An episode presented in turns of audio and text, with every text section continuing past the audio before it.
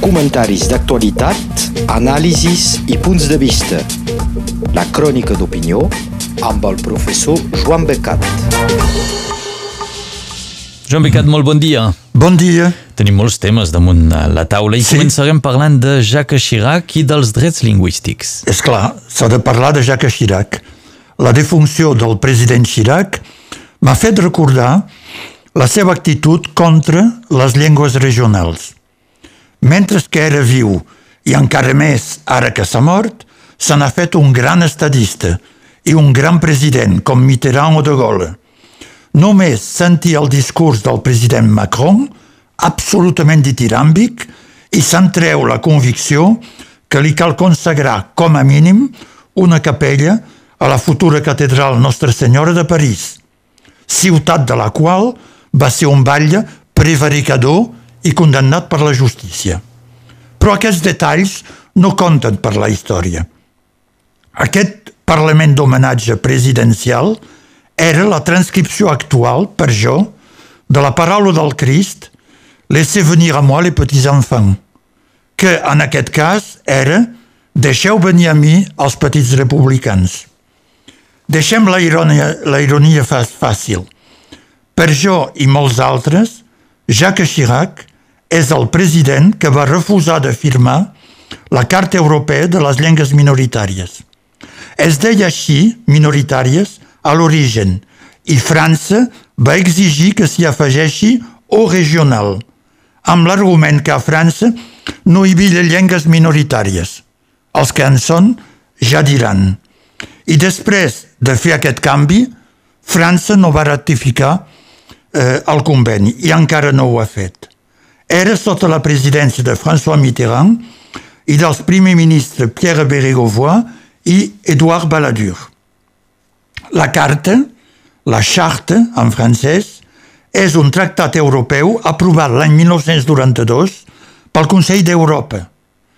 Eh, com tot el que fa aquest Consell, que no cal confondre amb la Unió Europea, hi ha més estats, les seves propostes no s'apliquen als estats membres, sinó que són aquests que són lliures de firmar o no. I si les ratifiquen, les poden aplicar o no, o només en part. És incitatiu. Doncs, acaba la presidència Mitterrand sense firma i comença la presidència Chirac també sense firma. Se'n va tornar a parlar quan, als anys 1998 i 1999, el president Chirac va cohabitar amb el seu primer ministre socialista Lionel Jospin. Aquest, que tenia una certa sensibilitat regional, recordi que és quan va ser ministre d'Educació que es va aprovar la creació del capès de català i d'occità, doncs Lionel Jospin havia promès de ratificar la Carta Europea. Va fer una jugada mestra, confiant l'informe jurídic no a un socialista, informe sobre la possibilitat de firmar. El professor ho va fer el professor Guy Carcassonne, conegut com a conservador i poc sensible als drets lingüístics. La Carta Europea conté 23 articles dividits en diversos paràgrafs, en total 92 paràgrafs. Els estats poden ratificar si validen almenys 35 d'aquests 92 apartats, diguem el terç. El rapport Carcassona, d'un centenar de pàgines, té consideracions que fan aixecar els cabells sobre el cap. Però la seva conclusió és que França pot ratificar, ja que dins la pràctica permet o tolera moltes coses per les llengües regionals, a l'ensenyament, a les ràdios i televisió, per la cultura. Deia, textuellement, la Charte européenne des langues régionales ou minoritaires n'est pas en elle-même incompatible à la Constitution. I afegia, la France peut souscrire jusqu'à 52 des engagements prévus par la Charte. Per tant, ja aplicava més que els 35 necessaris. Per tant, Lionel Jospin va decidir enviar la carta a l'Assemblea Nacional per ratificació. Però el president Chirac no ho veia, no ho va entendre d'aquesta manera. I per bloquejar la firma va enviar el text al Consell Constitucional, que la va declarar incompatible amb la Constitució francesa. Per tant, si l'aprovava l'Assemblea, ell no l'afirmaria. Doncs, sigui per convicció contra les llengües regionals, sigui per tàctica política o les dues coses alhora, Jacques Chirac va concretament prohibir la firma. Cal dir que ni el Nicolas Sarkozy ni el François Hollande, que canten encara a les ràdios i televisions, no ho van fer tampoc. Vet aquí una reacció després de la mort del president francès Jacques Chirac. Volíem eh, fer doncs, un, un apunt a nivell dels drets lingüístics. Canviem de tema completament, ara parlarem del judici a Catalunya Sud contra els presos i els exiliats. Sí, eh, entre el segon aniversari del referèndum de l'1 d'octubre, avui mateix, Sí. que eh, Catalunya eh, Ràdio celebra eh, des de Waterloo i la proclamació de la República, hi haurà la sentència contra els presos polítics catalans del govern Puigdemont. Caurà aviat amb certament penes de presó, probablement de molts anys. Per tant, llur futur dels presos serà de quedar-se a la presó o, més endavant, de beneficiar pot ser d'un indult o d'una amnisties. Dues possibilitats poc probables a hores d'ara, però que se'n parla molt aquests dies. El Partido Popular i Ciutadanos diuen públicament a Pedro Sánchez que res d'un indult, car seria una traïció a Espanya, i que és la condició si vol el seu suport, com també, a més de les condemnes, cal tornar a aplicar l'article 155 contra Catalunya, doncs destituir el govern del president Torra, sense cap motiu. La setmana passada, el Parlament de Catalunya ha votat una moció reclamant l'amnistia dels presos polítics. Per tant, sembla oportú de distingir que hi ha darrere aquests dos termes, indult o amnistia. Aleshores, un indult, en francès une grâce, com en fa de tant en tant el president de la República Francesa en grans ocasions, doncs un indult és un perdó que treu la pena que queda per complir i que permet al pres de ser alliberat immediatament. És una possibilitat, doncs, que se salta la decisió de la justícia i que ve dels antics reis absoluts. Però, si l'indult és un perdó de la pena, la condemna, la culpabilitat i el judici queden. Això vol dir que la persona alliberada queda culpable del que se l'ha acusat. Per tant, si imaginem que després d'uns anys de presó el primer ministre espanyol o el rei d'Espanya indulten els presos catalans, quedaran culpables de rebel·lió, de sedició o del que se'ls acusarà dins la sentència, però no hauran d'acabar tots els anys de condemna. Però per ells, acceptar l'indult o demanar-lo és també acceptar la seva culpabilitat. S'ha dit abans del procés, quan el jutge Llarena en feia la instrucció, que alguns presos, no s'ha dit quins, i els seus advocats demanarien un indult. D'altres presos, concretament Jordi Sánchez, Jordi Turull i Josep Brull, van dir que no, que es consideraven com a no culpables del que se'ls acusava.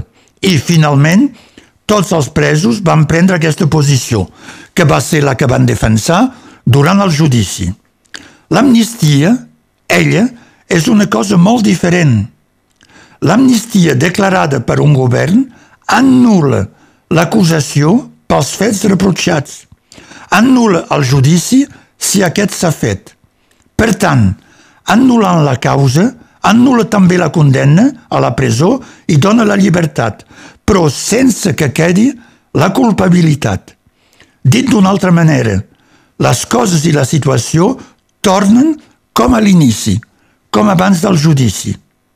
En aquesta hipòtesi, que és la més improbable, ara i dins el futur. Doncs l'estat espanyol no acusa més els presos polítics i els exiliats, que no serien més exiliats car també entrarien dins l'amnistia, doncs no els acusaria més de rebel·lió i de sedició pel referèndum de l'1 d'octubre i per la declaració d'independència del 27 d'octubre del 2017. Com que no seria més una rebel·lió, sinó una qüestió política a resoldre, començarien discussions i contactes per trobar una solució política. És el que volia el govern Puigdemont i el que refusava el govern de Mariano Rajoy i el que refusa sempre el govern de Pedro Sánchez, que porta davant del Tribunal Constitucional la moció del Parlament de Catalunya que demana l'amnistia. Doncs, poca amnistia en perspectiva. Per conèixer la sentència del judici, doncs al voltant de 10 a 15 dies eh, és quan és es calcula que serà el termini. Doncs, eh? Canviem de tema per acabar, tornem aquí a Catalunya Nord, ens portes a Calça. Sí, penitència per la coma del pecat. La coma del pecat. Sí, la religió cristiana diu que quan s'ha fet un pecat, amb una P, en peixer, eh? no amb una B. Donc, quan hi ha pecat, s'ha de fer penitència. No confoneu. És exactament el que està passant a Calça, a la part sud del municipi, prop del coll de la dona i tocant a la ruta que va de Pesia de la Ribera a Estagell, que us aconselli perquè hi ha paisatges magnífics. S'hi acaba d'inaugurar una central solar sobre 8 hectàrees amb panells fotovoltaics que generen una electricitat sense pol·lució i sense combustibles fòssils. Els felicitem, car és una bona iniciativa que ajuda a lluitar contra el, rescalf el rescalfament climàtic. Però me direu, on són el pecat i on és la penitència? Ja hi vinc. Aquesta central elèctrica solar és instal·lada a sobre del que va ser la descàrrega d'escombraries de tot el departament durant més de 30 anys d'una dimensió quilomètrica i de desenes i desenes de metres de gruix. Tota la porqueria s'acumulava, fermentava i els dies de tramuntana, que són molts, enviava males olors i pestilència fins a Pesià i Vilanova de la Ribera, que són a sota. També els sucs de fermentació i l'aire de pluja que s'infiltrava s'aïllen a baix en un líquid de claveguera. Podeu imaginar la pol·lució constant que encara dura, car aquest enorme fumaràs era a la part alta de Torrents, al còrrec de la Mullera, que més avall se diu el còrrec de les Gurgues. Les seves aigües pol·luades, pol·luïdes, baixaven a prop de Pesià i de Vilanova. Veieu, recordeu les manifestacions de la gent de Pesià contra aquests abocadors. I la gent de calces se'n quedaven? Se'n queixaven? Doncs no. En efecte, el territori de Calça ocupa la part central d'aquestes muntanyes mitjanes entre la Tet i la Glí, a continuació de Força Real. Els nombrosos petits torrents se reparteixen pels quatre cantons. Calça és cap al nord i la vocació és cap al sud, el vessant que va cap a la Tet. Per tant, el poble no tenia cap inconvenient, ni per les olors ni per les aigües, i cobrava els impostos corresponents. Passa el mateix avui dia amb la incineradora i el centre departamental de tria de deixalles que hi ha dos quilòmetres més lluny de l'antic abocador, al lloc dit la Coatxa. Coatxa, una llenga de ter, una cua, entre els municipis de Baixàs i de Pesià. Avui dia, en el mapa de l'IGN, l'enorme jaciment d'escombraries, cobert d'una capa de terra, se'n diu púdicament Centre d'enfouissement tècnic, autèntic, centre de soterrament tècnic. Ara bé, aquest abocador ha omplert totalment dues cumes, la cuma gran i la cuma del pecat. Aquí hi sem. Era un nom predestinat car tirar tantes porqueries a la coma del pecat era prendre el nom al peu de la lletra. Col·lectivament, tots els nord-catalans hem fet un gran pecat ecològic.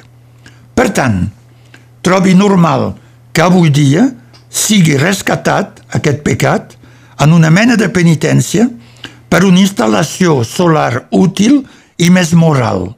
Fins i tot, ens diuen que una part de l'energia que es produirà servirà a purificar les aigues brutes que sempre ensallen de l'antic abocador. Esperem que sigui veritat. Joan Becat, moltes gràcies. Adiu. Bon dia a totes i a tots.